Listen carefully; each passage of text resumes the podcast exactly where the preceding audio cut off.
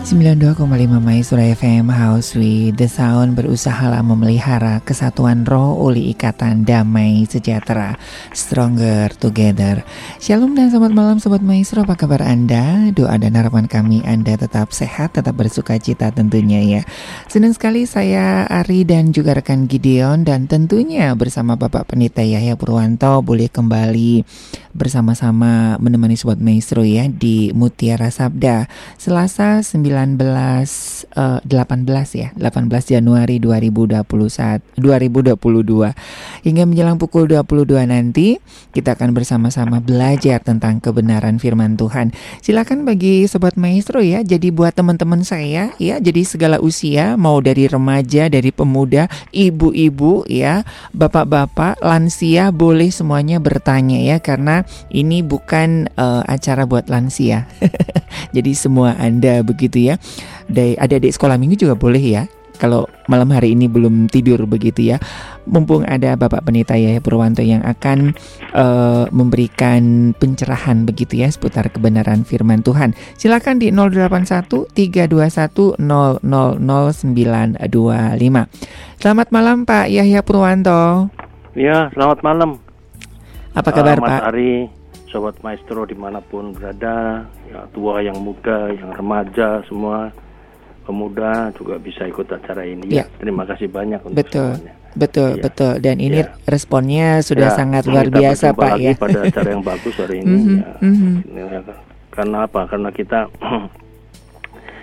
artinya kita merasa bahwa Alkitab itu kan segala-galanya buat kita sebetulnya. Betul, betul, betul. Karena dia adalah firman Tuhan ya mm-hmm. kan mhm. begitu mm-hmm. kira-kira mm-hmm. kalau kita menyadari itu maka kita merasakan bahwa Alkitab itu merupakan pedoman yang paling utama dalam hidup kita betul ya betul ya. betul jadi kita harus belajar terus soal Alkitab kalau kita tidak pernah tumbuh dalam firman Tuhan bagaimana kita mau jadi orang Kristen yang benar mm-hmm. ya selama mm-hmm. ini kan kita nggak benar jadi Kristen ini kenapa karena kita merasa ngerti Alkitab tapi ngertinya cuma dari khotbah nah. padahal khotbah itu kan dangkal sekali sebetulnya nah, pemahaman betul, tentang Alkitabnya. Betul. Tapi betul. orang kalau mau diajak ikut pemahaman Alkitab tidak suka. Hmm. Nah ini ini inilah kesalahan kita sebagai anak-anak Tuhan. Hmm.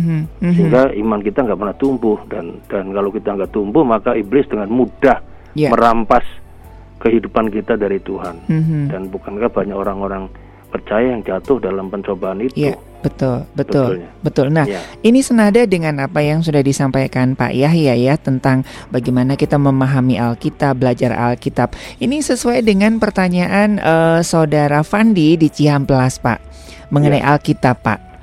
Alkitab itu kenapa Pak banyak versinya? Jadi uh, bingung begitu.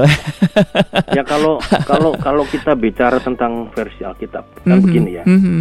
Alkitab itu sebetulnya ini kita melihat bahwa Alkitab itu adalah sumbernya ya. Kalau mm -hmm. kita bicara sumbernya itu adalah ada dua manuskrip tertua, itu tulisan tertua yang dan yang benar kira-kira gitu. Mm -hmm.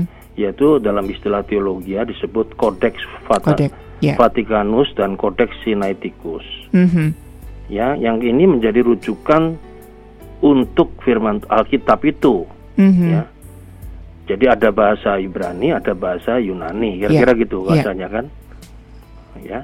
Jadi kita melihat bahwa uh, kita melihat bahwa teks asli itu digunakan untuk menerjemahkan Alkitab mm-hmm. dalam berbagai macam bahasa, mm-hmm. ya, gitu. Jadi orang-orang percaya itu mau tidak mau melihat bahwa terjemahan-terjemahan itu adalah merupakan bagian daripada versi-versi yang sesungguhnya sangat mengherankan. Artinya apa? Artinya memperkaya seluruh pemahaman kita tentang firman Tuhan. Mm-hmm. Ya, jadi misalnya gini, kalau versi bahasa Indonesia misalnya itu tidak kurang dari lebih dari 20 versi yeah, yang ada yeah. di Indonesia. Itu kan banyak ya ada iya. versi bahasa Indonesia sehari-hari. Iya, terjemahan baru, terjemahan, terjemahan lama, mm-hmm, bahasa mm-hmm, sehari-hari, mm-hmm. Alkitab Endek, Lingket mm-hmm, dan lain sebagainya. Mm-hmm. Dua lebih 20 tuh, Mas. Mm-hmm. Ada Alkitab di bahasa Madura, bahasa Batak, Jawa segala macam ya. Mm-hmm, Kira-kira gitu. Nah, apa itu nantinya nggak akan bikin rancu, Pak?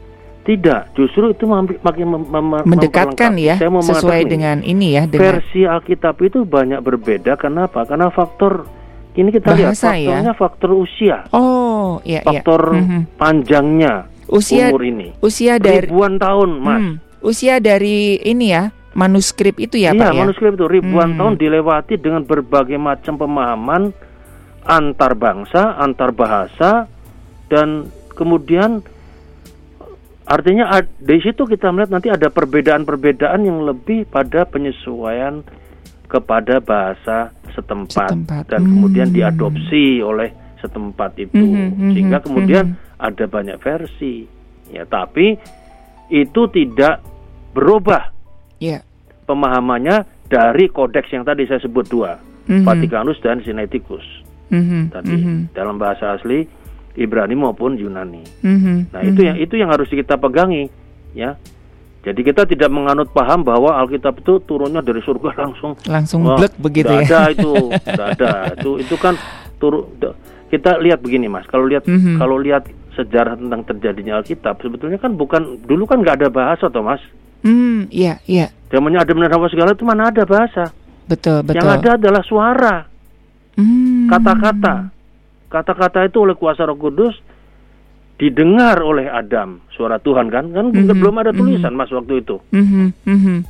yang namanya bahasa tapi Betul. ada kata-kata itu nah, Roh Kudus menerjemahkan pada manusia pada zaman dulu lalu mereka mengerti nah lalu di situlah yang disebut dengan istilah tradisi lisan mm. makanya kenapa dalam kitab ulangan dikatakan bahwa engkau harus mengajarkannya berulang-ulang pada anak-anakmu karena belum ada tulisan mm -hmm. belum ada mm -hmm diulang-ulang terus sampai ngelotok kering.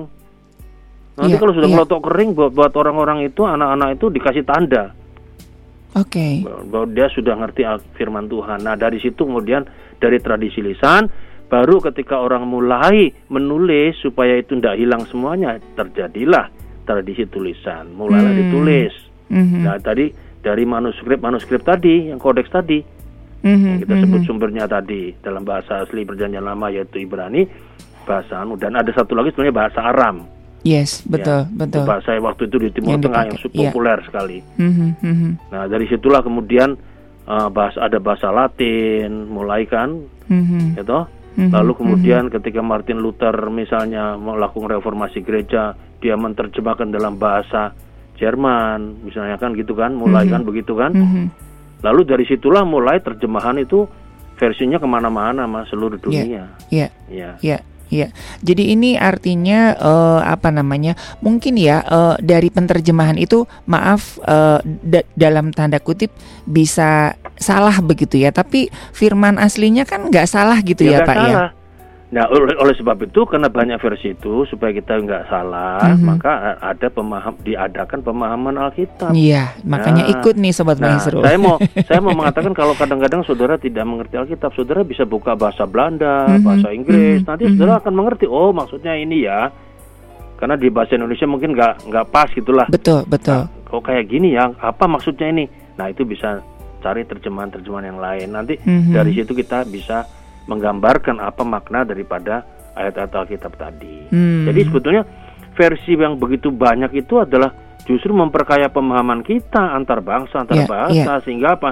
Sehingga itu makin makin menyatakan pada kita kita memaknai sungguh-sungguh Alkitab itu. Sebab cara kita memaknai kan tidak bisa memaknai dengan cara letter luck hurufiah. Mm -hmm, mm -hmm. Sebab bahasanya bahasa zaman dulu, Mas. Betul, Bayangkan betul. bahasa betul. zaman dulu sama eh, bahasa yang bahasa Indonesia yang lama aja 100 tahun lalu 100 tahun lalu sampai sekarang saja kan itu kan sudah berubah-ubah Mas. Mm -hmm, mm -hmm, ya. Mm -hmm. betul, Coba betul. kita lihat tulisan-tulisan zaman dulu. Iya. Yeah. Lalu dibandingkan tulisan anak-anak anak-anak zaman sekarang kan beda. Betul, betul, betul. Nah, ini betul. untuk bisa untuk bisa ini kan mesti dijembatani nih. Mm -hmm. Nah, di situlah perlunya ilmu menafsir. Mm -hmm, mm -hmm. Nah, cara kita mengartikan, memaknainya, menafsir tadi ya supaya mendekati pengertian yang benar digunakanlah berbagai macam versi dalam bahasa tadi. Betul, ya, betul. Ya, jadi kalau betul. tapi kalau saudara misalnya sudah ahli dalam bidang bahasa Ibrani dan Yunani ya tidak perlu pakai versi yang lain, baca aja itu. Hmm, nah, tapi kan bahasa yeah. ini tidak mudah, sangat betul, sulit betul. bahasa Semit ini. Betul. Sangat sulit. Betul. Hal, ya. Harus memang rujukan yang pertama memang dari bahasa aslinya ya Pak ya. ya? Jadi aslinya. jangan ke yang ya, King James ya. Version atau yang Bible.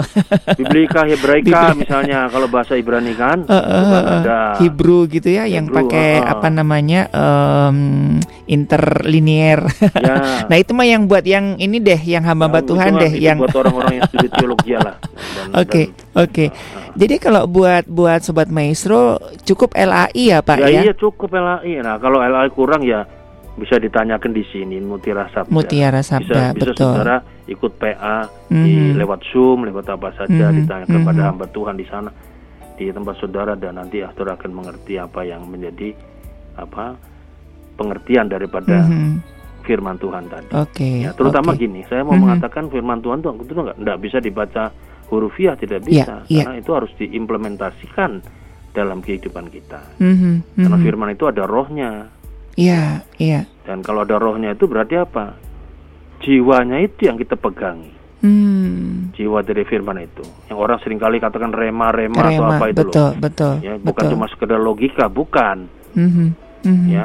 Mm-hmm. Jadi itu yang mesti harus kita pelajari. Betul. Ya, ya. Dan kadang-kadang kan kebanyakan orang menafsirkan Alkitab dari kata orang begitu ya Pak ya. Iya. Bukan oh, iya. Kata dari orang teks kata pendeta begini, kata orang begini, kata Pak Yahya begini. Uh-huh. Ya. Uh-huh. Ya Pak Yahya juga bisa salah. Uh-huh. Ya, untuk uh-huh. oleh sebab itu kita masing-masing memperkaya itu. Yeah. Nah, saya yeah. saya pikir gini Mas, yang paling yeah. penting adalah ya kita mungkin nggak perlu belajar teologi lah. Betul. Yang penting buat kita apa?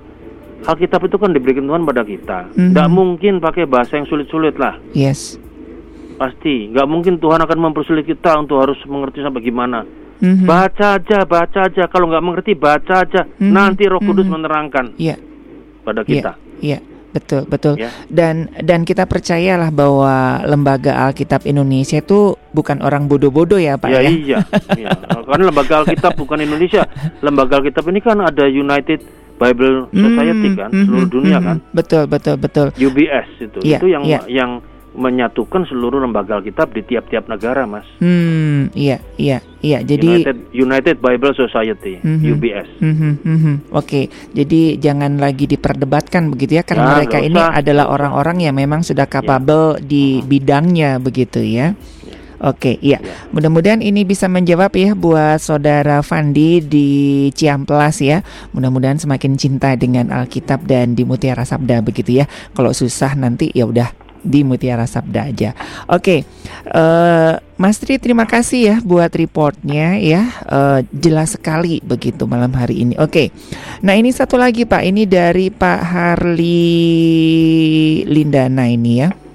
Nah, selamat malam Pak Yahya Purwanto. Beberapa waktu yang lalu Pak Yahya pernah membahas tanda-tanda akhir zaman, Pak. Nah, apakah bisa diulang lagi nih, Pak Yahya? Ya jadi gini, banyak sekali tanda-tanda. Ya memang uh, pernah ya dibahas ya, tapi mm -hmm, saya mau mm -hmm. mengatakan gini secara umum gitu ya. Yang yang pertama, kalau Yesus datang pada akhir zaman tadi mm -hmm. akan didahului dengan kejadian-kejadian yang menakutkan di dalam alam. Apakah termasuk COVID ini, Pak? Soalnya eh, lagi ya, ada yang menafsirkan bisa begitu, Pak. juga, bukan tidak hmm. bisa. Kita kan hmm. sampai sekarang kan COVID masih iya. misterius. Iya. Apakah buatan manusia, apakah virus yang memang diizinkan gitu ya kan kita nggak tahu belum tahu tapi ya mm -hmm. ada bisa terjadi nanti nanti pada waktunya akan terbuka mm -hmm. ya dan kemudian tidak di ada ada bukan hanya menakutkan dari alam tapi juga menakutkan dan kebingungan di antara bangsa-bangsa mm. ya bangsa-bangsa dan bangsa-bangsa akan bertengkar saling ya, yeah. itu bingung ya itu yang pertama itu saudara bisa baca pada Injil Lukas pasal 21 ayat 25 misalnya mm -hmm. kan. Mm -hmm. Nah yang kedua akan ada tanda-tanda pada matahari, bulan dan bintang-bintang. Mm. Ya, di sana itu kita bisa baca pada Matius 24 ayat 29. Ya, di Lukas mm -hmm. 21 juga ada pada ayat 25 25 itu. Tanda-tanda itu ada ya. Mm -hmm. ya. Mm -hmm. Nah, kemudian kemudian kedatangannya itu juga yang kedatangan Yesus dalam arti mengakhiri zaman tadi itu uh, orang akan cemas, akan mengalami tekanan-tekanan mm-hmm. yang berhubungan dengan segala yang yang menimpa di bumi ini. Mhm, mhm. Ya, ya karena bumi itu kan nanti jadi berubah kan, nggak jadi bumi lagi, hancur. Betul, betul. Ya orang cemas, takut. Mhm. Ya. Sekarang sudah agak dimulai nih Ya, Pak ya sudah karena dimulai. dengan dengan eh, apa namanya perubahan Mhm. iklim. Ya kemudian kita lihat di akhir zaman itu akan banyak antikristus, orang-orang yang antikristen. Hmm. Itu jelas dalam Alkitab. 1 Iya. Yohanes pasal 2 ayat yang ke-18. Mhm. Iya kan? Iya. Kemudian pada akhir zaman itu kalau kita baca 1 Timotius 4 ayat 13 itu akan banyak orang murtad Mhm, Ya. mhm. dan banyak ajaran-ajaran palsu yang makin bertambah-tambah menjadi-jadi Mhm. gitu loh. Lalu kita melihat pada akhir zaman itu juga di situ kita melihat bahwa kasih kebanyakan orang makin pudar Hmm. gitu. Jadi kita melihat banyak tanda yang ada di sana. Ya. Iya. Nah, kita tidak pernah tahu waktu waktunya, tetapi pasti dia akan datang pada waktu yang tepat, Mhm. gitu loh ya. Mhm. Jadi kita melihat bahwa tandanya memang luar biasa dan Mhm. kita melihat dalam dalam tanda-tanda ini ini sudah sudah ada sejak mulai zaman kitab Wahyu pun sudah mulai ada Mhm. di dalam Mhm. itu. Mhm. Jadi kita kita betul-betul eh, harus merasakan kita ini sudah sebetulnya sudah masuk ke akhir zaman ini Iya, sebetulnya. iya, iya, iya. Nah, ini ada beberapa yang yang bertanya juga, Pak. Ini kan eh, ngomongin akhir zaman itu kan sejak Alkitab ditulis udah dijelaskan ini, tapi sampai sekarang ini sudah berapa ribu eh berapa ratus tahun kok Masih bisa masih belum. masih Ya, belum gitu. kan gini, Mak. Apakah ini- itu benar? Apakah hanya lah, Mas Ari, atau masa gimana gitu, Pak? Masa sih nggak bener ya bener lah. Karena bagi Tuhan itu satu hari bisa jadi seribu tahun. Mhm, Seribu tahun mhm. bisa jadi satu hari. Iya. Kan kira-kira gitu. Mhm. Jadi kita nggak kita nggak bisa mengatakan bahwa tidak akan terjadi terjadi. Mhm, mhm. Kalau kalau begitu gampangnya orang men- men- mengertikan akhir zaman, besok mau datang ya kita dengan mudahnya langsung bertobat. Mhm, Oleh mhm, sebab itu mhm. kenapa Yesus mengatakan selalu berjaga-jaga dan. Iya, waspada iya, iya. di akhir zaman itu.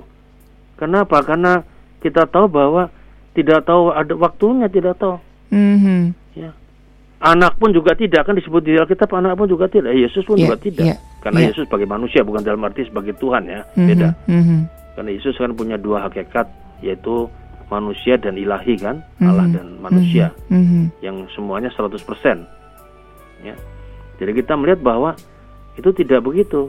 Mhm. Justru karena tidak tahu waktunya, setiap saat bisa terjadi, maka kita mesti harus berhati-hati, waspada dan berjaga-jaga. Mhm. Kira-kira begitu. Mhm, mhm. Jadi kelihatannya memang belum akan segera tiba. Belum. Soalnya in- Injil, Kelihatannya Tuhan in- masih menunda. hmm, Injil belum diberitakan ke seluruh dunia, Pak ya. Iya. Kan kalau kalau baca di itu kan ketika Injil sudah diberitakan ke seluruh dunia artinya sudah dekat nih Ya, Tuhan. sudah dekat.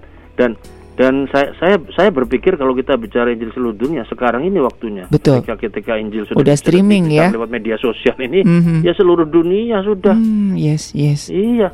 Mhm. Lalu sekarang itu ada gereja online, Iya. Bukan gereja gedung, gereja online. Gereja online itu bisa anggotanya ribuan di seluruh muka bumi. Mhm, mhm. Iya. Dengan Mhm. dengan alat Zoom, dengan alat YouTube itu ribuan yang datang. PA itu nggak dihadiri cuma 10, 15, 20 orang di gereja. Mhm. Bisa seribu orang lewat Mhm. itu. Karena di Mhm. seluruh dunia. Iya, iya. Terus apalagi orang-orang diaspora Indonesia yang ada di mana-mana tempat. Kalau sekarang gini ya. Kalau saya nih, kalau saya misalkan masih muda, katakanlah umurnya masih 30, 35, 40, saya akan bi- bikin gereja online kalau saya. Hmm, mhm, Kenapa? Karena Iya. ini waktunya. mhm, mhm. ya saya akan kumpuli orang diaspora seluruh dunia bikin gereja online alat-alat media sosial yang canggih sekali semuanya karena internet juga sudah mulai bisa dipakai kan Mhm. digunakan dengan maksimal bikinlah seluruh kegiatan gereja yang ada di gereja sekarang dalam bentuk gedung ini Mhm. kita jadikan dalam bentuk daring Tapi apa, tapi apakah itu tidak mengurangi eh, esensi dari gereja itu sendiri, Pak Yahya? ya ta- ya begini ya saya rasa tidak tidak mengurangi karena apa karena Mhm. itu juga merupakan sebuah persekutuan Karena Oh, mereka oke. karena namanya persekutuan kan adanya komunikasi Mhm, mhm, betul nggak mhm, syaratnya mhm, mhm. Sa- salah satu bukan sa- utama Ya, kita ke gereja kan itu kan ada komunikasi antar, antara anggota jemaat lalu jadi mhm. sekutu kita kan sekutu bersama dengan Tuhan dalam ibadah, yeah. sekutu dengan sesama. Pada waktu kita bersosialisasi di rumah mm -hmm. Tuhan mm -hmm. dalam persekutuan kebersamaan itu. Mm -hmm. Nah ini kan yang dengan Tuhan sudah jelas bisa kita lakukan, yeah. baik pribadi maupun online. Mm -hmm. Tapi yang dengan sesama kita bisa juga lakukan dengan online, betul. karena dalam lewat Zoom kita bisa bisa berinteraksi dengan mereka. Betul, betul. Dalam, iya kan? Mm -hmm. Mm -hmm. Ya, menghimpun dana misalnya persembahan dari seluruh dunia untuk yeah. katakanlah bikin gereja di mana misalnya hmm. Tonga yang sekarang sedang betul, apa betul. misalnya lagi lagi apa lagi meledak itu betul, gunungnya betul. mereka miskin nggak punya anu bisa demo seluruh dunia cepet mas betul betul betul langsung 10 miliar malah langsung masuk itu ke sana mm -hmm, kalau ada yang menggerakkan daripada cuma di gedung gereja mm -hmm, anggotanya kita selama ini kan kalau lihat di gedung gereja terbatas mm -hmm, dengan mm -hmm. gedung yang memang kapasitas juga nggak besar, anggota cuma sedikit, jadi Injil cuma diberitakan di dalam gedung mm-hmm. kepada anggota yang terbatas. Tapi kalau mm-hmm. sekarang tidak, mas. Oke. Okay. Injil sebar luas sampai ujung bumi ini betul-betul sudah sudah kita lihat. Mm-hmm. Ya. Mm-hmm. Oke. Okay. Ya. Oke. Okay. Oke, okay. gitu. iya. Mudah-mudahan ini uh, bisa dipahami ya buat uh, Pak Harli Lindana. Nah, ini ada uh, Bapak Ferry juga ini di ujung Berung begitu ya. Tapi kayaknya nanti ya Pak ya kita ya, bahas ya. ya. Ini ngomongin okay. tentang antikris Pak. Kan di Alkitab dikatakan bahwa antikris itu dari dalam gereja bukan dari luar gereja begitu ya, Pak. Ya. Nah, seperti apa nanti ya kita uh, rehat sejenak kita nikmati dulu satu kidung pujian ini dari Mawar Simorangkir tetap di Mutiara Sabda.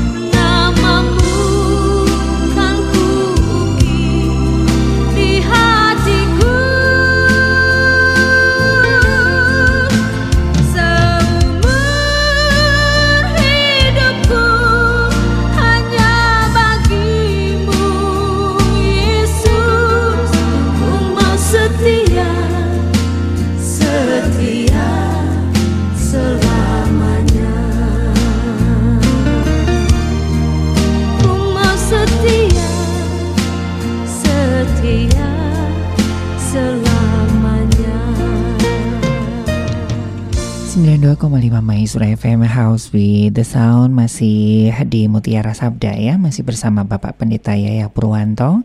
Terima kasih buat Ibu Lydia di Taman Kupu Indah ya. Ayo Ibu Lydia tanya nih ya.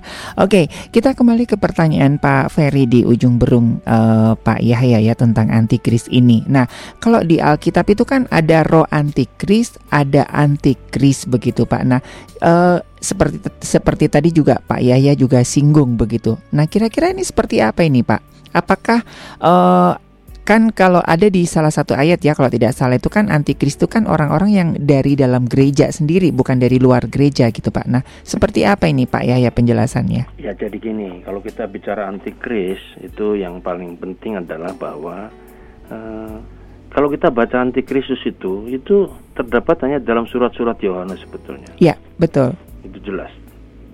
Jadi pemikirannya itu yang ada di balik kata ini adalah luas sekali. Hmm. Jadi bisa roh, bisa lembaga, bisa orang, bisa baca. Hmm. Hmm. Nah, kata anti itu sendiri artinya apa sih anti? Hmm. Kan lawan, perlawanan yeah. kan? Yeah. Ya. Jadi bukan bukan cuma sekedar apa sebuah suatu apa namanya klaim bahwa anti Kristus itu adalah orang yang nantang Kristus bukan bukan hanya itu mm-hmm. ya ya bukan sebab kalau itu terlalu sederhana ya yeah. itu nah jadi kita kita melihat bahwa yang disebut antikris itu adalah semua semuanya yang yang me, semuanya apa saja yang mengenai bisa melakukan perlawan habis-habisan dari hmm. semua kekuatan jahat yang menyerang mm-hmm. orang-orang percaya. Yeah. Pada terutama pada hari-hari di akhir zaman, zaman tadi. Yeah. Ya, jadi ini yang kira-kira begitu pemahamannya. Mm-hmm. Jadi bahwa pada akhir zaman itu itu jelas bahwa ada ada kuasa jahat yang memang yang menamakan antikris itu tadi, antikristus mm-hmm. tadi, mm-hmm. ya. Jadi itu mulai muncul kira-kira gitu. Mm-hmm. Dan di situ kita melihat bahwa kalau kita membicarakan antikristus, penentang Kristus atau perlawanan pada Kristus itu mm -hmm. itu jelas sekali, mas. Mm -hmm. Artinya apa? Kejelasannya ada bahwa itu mencerminkan satu kan tadi saya katakan semua hal yang ada di bawah kuasa si jahat tadi yang memang melakukan perlawanan kepada Kristus. Mm -hmm. Kan kira-kira begitu. Iya. Yeah. Ya. Yeah. Jadi bukan hanya orang, tapi apa saja. Roh apa saja lah pokoknya, termasuk roh antikristus segala macam ada di situ. Mm -hmm. Ya. Mm -hmm. Jadi sudah jelas. Nah, contohnya apa? Misalnya munculnya orang-orang bidat. Nah, yeah, bidat yeah. kan itu penentang. Mm -hmm. Contoh. Mm -hmm. Orang-orang yang tak, tak bertuhan, nah itu jelas antikris. Mm. Ya. Orang-orang yang memurtadkan orang Kristen, hmm itu jelas ya pokoknya semua hal yang bisa membuat perlawanan kepada Kristus mm-hmm. pada orang-orang mm-hmm. percaya mm-hmm. ya jadi yeah. oleh sebab itu eh, kalau kita membaca uh, termasuk juga kalau kita memang di Paulus di, di surat-surat Paulus tidak terlalu jelas tapi tapi tidak pakai itu antikristus tetapi kalau Rasul Paulus memakai istilah manusia durhaka, itu sebetulnya antikristus sebetulnya. Hmm. Kita melihat. Betul, betul, ya. betul di Korintus itu ya, ya. juga ada dituliskan. 2 Tesalonika pasal ya, 2 ayat ya. 3 misalnya itu ada manusia durhaka dan mm -hmm. di Korintus juga ada. Mm -hmm. Jadi jadi ya itu suatu kekuatan yang melawan meninggikan diri di atas segala yang disebut Allah yang kita kenal dalam Kristus.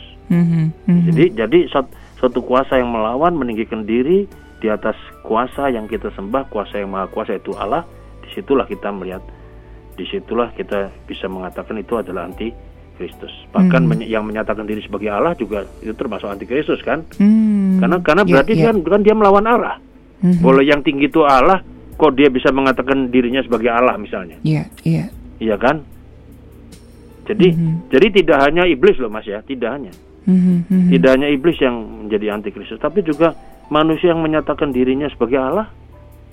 Nah. Antikristus lah situ. Yeah, ya. Yeah. Kita melihat manusia durhaka, ya sama juga kita melihat ya. Mm-hmm. Manusia yang melawan firman Tuhan, antikristus mas itu. Hmm. Sama. Mm-hmm.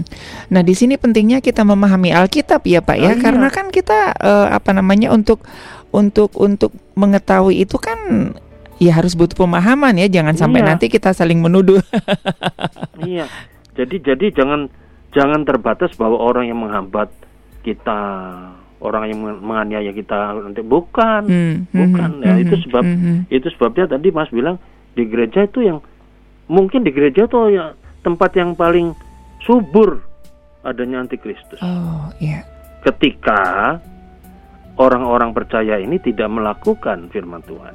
Hmm. Ingat Musa ketika tidak melakukan firman Tuhan apa yang akan dilakukan Tuhan pada Musa? Mm-hmm. Kan mau dibunuh yeah. sama Tuhan. Lawang dia suruh menyunatkan anaknya kok enggak kok? Mm-hmm. Ingat gak itu? Mm-hmm. Betul, betul. Itu anti Kris sebetulnya, anti mm-hmm. Allah dia. Mm-hmm. Allah bilang A, dia bilang B. Yeah. Nah ini kalau kita bicara di gereja kayak gini nih mas, mm-hmm. kira-kira mm-hmm. begitu. Mm-hmm. Kalau kita bicara di gereja, okay. jadi setiap orang Kristen yang tidak menjalankan firman dengan sungguh-sungguh, tidak menjalankan kehendak Allah, ya antikris. Hmm. Dan di dalam Injil Matius, kok salah satu kata firman Tuhan yang di, di khotbah di bukit itu dikatakan bahwa Tuhan pernah mengusir orang dari tahtanya kenapa? Karena melakukan kejahatan. Engkau tidak melakukan apa yang dikehendaki Allah, tapi engkau melakukan kejahatan. Mm-hmm. Kan ada Matius itu di Matius. Mm-hmm. Kalau yeah. kita baca, coba saya coba lihat ya Matius berapa yeah. ya. Nah, saya coba baca. Matius. Ya. Tuh, du- bukan setiap orang yang berseru kepadaku Tuhan Tuhan mm-hmm. masuk kerajaan surga mm-hmm. melainkan orang yang melakukan kehendak Bapakku di surga mm-hmm. pada hari terakhir banyak orang berseru Tuhan Tuhan bukankah kami bernubuat demi namamu mengusir setan demi namamu mengadakan banyak mujizat demi namamu juga pada waktu itulah aku akan berterus terang kepada mereka dan berkata aku tidak pernah mengenal kamu mm. Enyahlah daripadaku kamu sekalian pembuat kejahatan. Orang yang membuat kejahatan kan orang tidak orang yang melawan firman Tuhan, Thomas. Mm-hmm, mm-hmm, mm-hmm. Jadi ini, iya. jadi ini bisa apa namanya, uh, apa indikasi indikasinya adalah dari aksinya itu ya, Pak ya? iya. ya, dari perbuatannya itu ya, Pak ya. Jadi bukan jangan jangan kita berpikir bahwa yang namanya antikris itu cuma iblis saja. Mm-hmm, Tidak. Nah, orang-orang Kristen mm-hmm. juga bisa jadi antikris. Mm-hmm, Udah sangat mm-hmm. jelas. Ketika dia tidak melakukan kehendak Tuhan, dia melawan Tuhan, ya tidak bisa Musa itu sampai berapa kali dia melawan Tuhan? Betul, waktu, betul. Misalnya waktu waktu dia suruh meng, meng, mengadukan tongkat ketika umat perjanjian itu pengen air, suruh, cuma suruh mengacungkan kan dia pukul itu Ngamuk. batu kadas itu. Nah, nggak boleh. Tuhan pengennya kamu cuma nunjukin dengan cara nunjuk aja udah keluar nanti. Mm-hmm, Karena di situ mhm. ada kuasa Tuhan, yeah, bukan yeah. pakai dipukul. Musa pakai caranya sendiri. Mm-hmm. Itu sebabnya kan berarti melawan Tuhan itu. Dia. Itu sebabnya uh, Musa nggak masuk ke tanah nah, perjanjian ya Pak ya. Kan kita udah tahu karena yes. dia melawan Tuhan. Yeah. Nah pokoknya setiap bentuk perlawanan pertentangan kepada Tuhan itu kita sebut anti antikris. Hmm. Jadi bukan hanya iblis ya, mm-hmm. bukan. Mm-hmm. Ya tapi setiap bentuk perlawanan dari siapa pun terhadap kehendak Allah, di situlah antikris. Maka mm-hmm. kalau kita lihat, mm-hmm. kita mesti belajar dari Yesus. Kenapa? Dia menuruti semua kehendak Allah. Bahkan kalau sampai harus mati disalib, dia menuruti kehendak Allah. Makanya ketika Yesus mau disalib, kan dia sudah ber, bernubuat itu kan. Petrus kan mengatakan, oh guru jangan gitu dong, mm-hmm. kan? Lalu apa? Gurunya mengatakan Yesus mengatakan hei kamu minggir kamu nyala mm -hmm. kamu mm -hmm. kamu iblis kamu kamu gak memikirkan kehendak Allah kamu memikirkan punya pikiranmu sendiri mm -hmm. kan begitu itu yeah. itu pada waktu itu momen itu Petrus itu antikris sebetulnya mm. iya tapi untung Tuhan kemudian mengembalikan yeah. panggilannya sampai tiga kali kan mm -hmm. Mm -hmm. diminta apakah engkau mengasihi aku tiga kali baru di situ Petrus sadar bahwa mm -hmm. dia keliru selama ini ikut mm -hmm. Yesus. Iya. Iya. Ya, jadi ini bagi kita jadi orang Kristen ini pelajaran yang berharga apa? Mari kita mengikuti kehendak Allah dalam hidup kita. Jangan coba-coba melawan. Mm -hmm. Mm -hmm. Ya, melawan bukan karena Tuhan nanti menghukum kita tidak. Mungkin Tuhan masih menunda. Makanya kenapa akhir zaman kok masih lama, Mas? Tadi kan pertanyaannya Iya, gitu. Kok iya. belum kadang datang? Tuhan menunggu orang bertobat banyak. Masih diberikan Ya, kesempatan kenapa orang nggak mati-mati tuh ya? udah umur 80 tahun ini? Ah, dia masih nunggu pertobatannya. Mhm, mhm, Kalau Tuhan mau bikin mati umur 50 juga bisa mati. mhm. Iya, iya. Iya kan? Tapi ditunggu sama Tuhan. The last minute masih ditunggu seperti para penjahat yang ada di atas kayu Salib. salib. Mhm, mhm.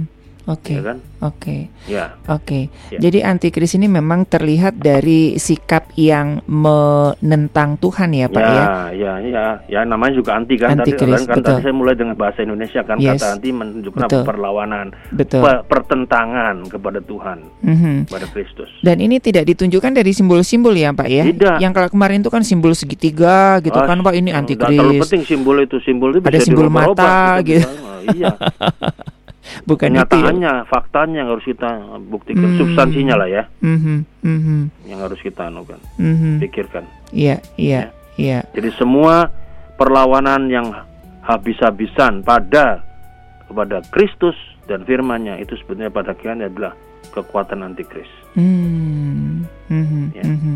Oke, oke. Jadi seperti itu ya, eh, Pak Ferry ya di eh, ujung Brung ya. Jadi eh, apa pun ya siapa pun itu yang dalam tindakannya yang melawan, yang tidak melakukan kehendak Allah itu udah dikategorikan antikris ya Pak ya. ya ya Mhm.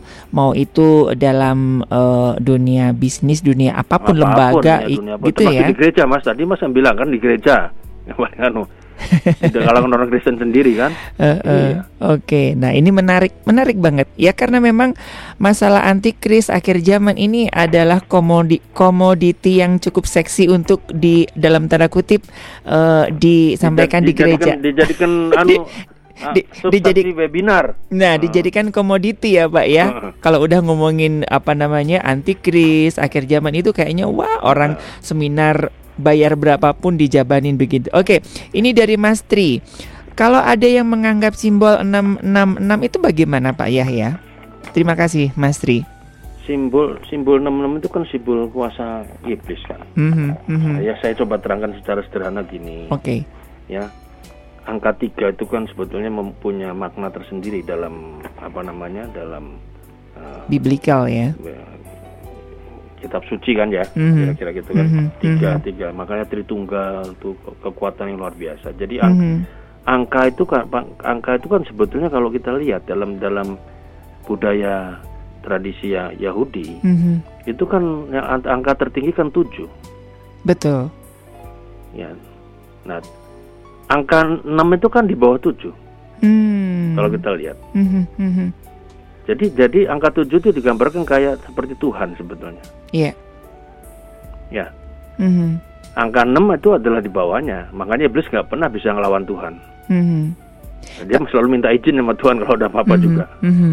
Tapi kenapa harus tiga angka Pak? Enggak Nah, tiga itu dua apa? ataupun tiga empat? angka itu artinya apa?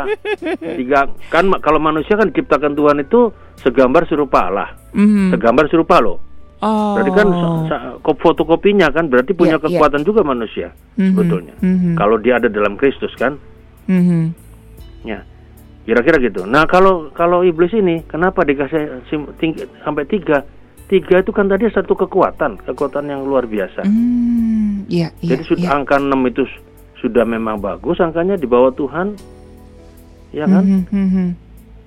Ditam, di kal, di triple. Jadi triple itu lebih hebat lagi. Ingat kata Tritunggal kan tiga itu kan. Hmm. Istilah Tritunggal kan tiga. Jadi buat angka imita- tiga itu ada imitasinya Tuhan gitu ya. Kan jadi ada ada maknanya angka-angka Mhm, itu mhm, dalam mhm. kehidupan umat pada waktu itu. Jadi kita Betul, melihat betul. bahwa memang iblis itu kekuatannya dahsyat. Manusia nggak bisa ngelawannya. Mhm, mhm. Nggak bisa. Iya, saya saya juga baru kepikir Pak, kenapa harus tiga angka gitu? Ya, kenapa ya. nggak dua, nggak Enggak, enggak Empat. bisa dua. Kalau cuma satu aja mungkin sama manusia bisa kalah iblis itu. Makanya tiga. Iya, iya, iya. Duplikasi dari Iya. alat Tritunggal Triple, itu kan? ya. Yes. Triple kan kekuatannya lebih dahsyat daripada satu. Mhm, mhm. Jadi kita melihat bahwa itu yang mau dimaknai dari uh, kekuatan itu. Hmm. Makanya makanya manusia kan nggak bisa ngelawan iblis. Makanya kenapa Yesus mengajar kita jangan bawa kami dalam pencobaan. Ya, ya. begitu ada celah sedikit pencobaan mati kita di bawah kuasa itu. Iblis kan digambarkan seperti singa yang mengaum-ngaum mau nyaplok orang Kristen. Mm-hmm, kita lihat. Mm-hmm, mm-hmm. Iya kan? Jadi yeah. jadi memang sangat luar biasa kekuatan tadi. Jadi kita melihat itu. Mm-hmm. Ya ini saya saya coba sederhanakan ya. Yeah. Ya kita nggak perlu belajar teologi terlalu mendalam lah. Tapi mm-hmm. yang penting kira-kira mm-hmm. gambarannya seperti mm-hmm. itu. Ya. ya. Tapi kalau ada rumah nomor 66 666 gimana, Pak? ya, kalau saya punya rumah itu saya pakai tetap nggak apa-apa karena itu gak cuma masalah ya, angka Pak. saja. Nggak usah diartikan hmm. bahwa itu sa uh, kalau nggak salah saya dulu pernah punya mobil angkanya 666. Nah, itu Pak. Betul. Ada di Solo ada gereja ya, jalan uh, Jalan Selamat Riyadi nomor 666, Pak. Saya pernah punya mas dulu uh, mobil mobil mm -hmm. Mitsubishi Lancer zaman dulu. Mm -hmm, mm -hmm. BE waktu itu masih pakai nama Lampung BE 666 orang pada tanya mm -hmm. kenapa mm -hmm. mungkin ya, sudah apa-apa lah kenapa mesti anu. Nah itu gimana Pak menyikapi itu Pak? ya saya selalu kasih tahu kepada warga jemaat yang nggak apa-apa kenapa ini kan saya yang penting saya nggak percaya sama 666 kan ini memang mm -hmm. angkanya kebetulan 666 saya nggak beli juga belinya sudah 666 mm -hmm. nggak secara mm -hmm. khusus saya memang membelinya iya iya. Jadi jadi memang uh, kita melihat bahwa itu yang yang penting adalah kita nggak mengimani nggak mengimani lah. itu ya. Yang, yang penting itu. Kalau ada yang orang ini angka enam enam ada empat empat empat. Kalau orang Tiongkok kan empat boleh. itu kan mm -hmm, mati mati jangan iya. pakai angka itu. Mm -hmm. minta nomor yang nggak ada angka empatnya. Takut nanti mm -hmm. mobilnya gampang tabrakan. Gampang tabrakan itu kan bukan karena apa namanya nomor ya iya karena mm -hmm. manusia mm -hmm. Mm -hmm. iya kan mm -hmm. uh -uh. Oke. Okay. Jadi kira-kira begitu. Mm -hmm. Oke. Okay. Nah kira-kira kesimpulan, aduh ini kayaknya uh, oke okay, ini ada beberapa yang tanya kita simpen buat Selasa depan begitu ya, karena waktu kita kurang dua, uh, kurang sisa dua menit begitu ya. Oke. Okay. Kira-kira apa yang bisa kita simpulkan dari um, malam hari ini Pak Yaya Purwanto? Ya, jadi kita kita kembali yang paling penting dalam hidup kita. Tadi kan saya mengatakan, mm -hmm. kita itu kan firman Tuhan itu kan penting. Itu yang harus kita jalankan dalam hidup kita. Jangan sekali-kali kita mencoba untuk melawannya, mm -hmm. untuk untuk apa mening meninggalkannya mm -hmm. firman tadi. Tapi yeah. betul-betul kita mau melakukannya dalam hidup kita sehari-hari. Mm -hmm. Kalau kita kalau kita boleh melakukannya itu ya supaya bisa melakukannya, mari kita mempelajarinya dengan yeah. lebih sungguh bukan cuma sekedar membaca tapi pada maksudnya kita coba untuk merenungkan firman hmm. itu dalam diri kita kalau kita bisa merenungkan maka kita akan menjadi orang-orang yang berbahagia hmm. jadi hmm. kira-kira begitu oke okay. nah saya saya punya tip gini Alkitab kan sekali lagi Alkitab itu kan sebetulnya kan Tuhan berikan pada kita nggak ada yang yeah. diberikan Tuhan pada kita nggak boleh dimengerti harus bisa dimengerti kalau Rasul Paulus kan mengatakan gitu firman Tuhan itu mesti bisa dimengerti. Mm-hmm. Bahasa apa pun mesti harus dimengerti. Ya, buat apa kita berbahasa roh tapi nggak bisa ngerti buat kita? Yes. Gak ada gunanya. Makanya harus ada yang menerjemahkan kan? Mm-hmm. Gitu loh. Nah itu artinya apa? Masa sih Tuhan bikin bikin firman Tuhan buat manusia sulit? Mm-hmm. Kan tidak. Yeah. Mudah. Makanya dikatakan firman Tuhan itu tidak tempatnya jauh di sana kita kita sulit mengambilnya atau di dasar bumi mm-hmm. mau ngambil enggak di dalam hati kita yeah. tinggal dilakukan. Mm-hmm. Nah, yang penting melakukan. Mm-hmm. Kita okay. belajar, tapi kita melakukannya. Oke. Okay. Iya. Oke, okay, ya. sekali lagi Pak Yahya ya. Yahya Purwanto, terima kasih buat malam hari ini ya, dan ya. terima kasih nah, buat beberapa. Satu lagi Mas. Okay. Kalau ada hal yang tidak bisa dimengerti, jangan kemudian mereduksi iman kita. Mm, tidak. Yes. Gak, gak boleh. Mm-hmm. Ada banyak hal yang kita nggak mengerti. Yeah.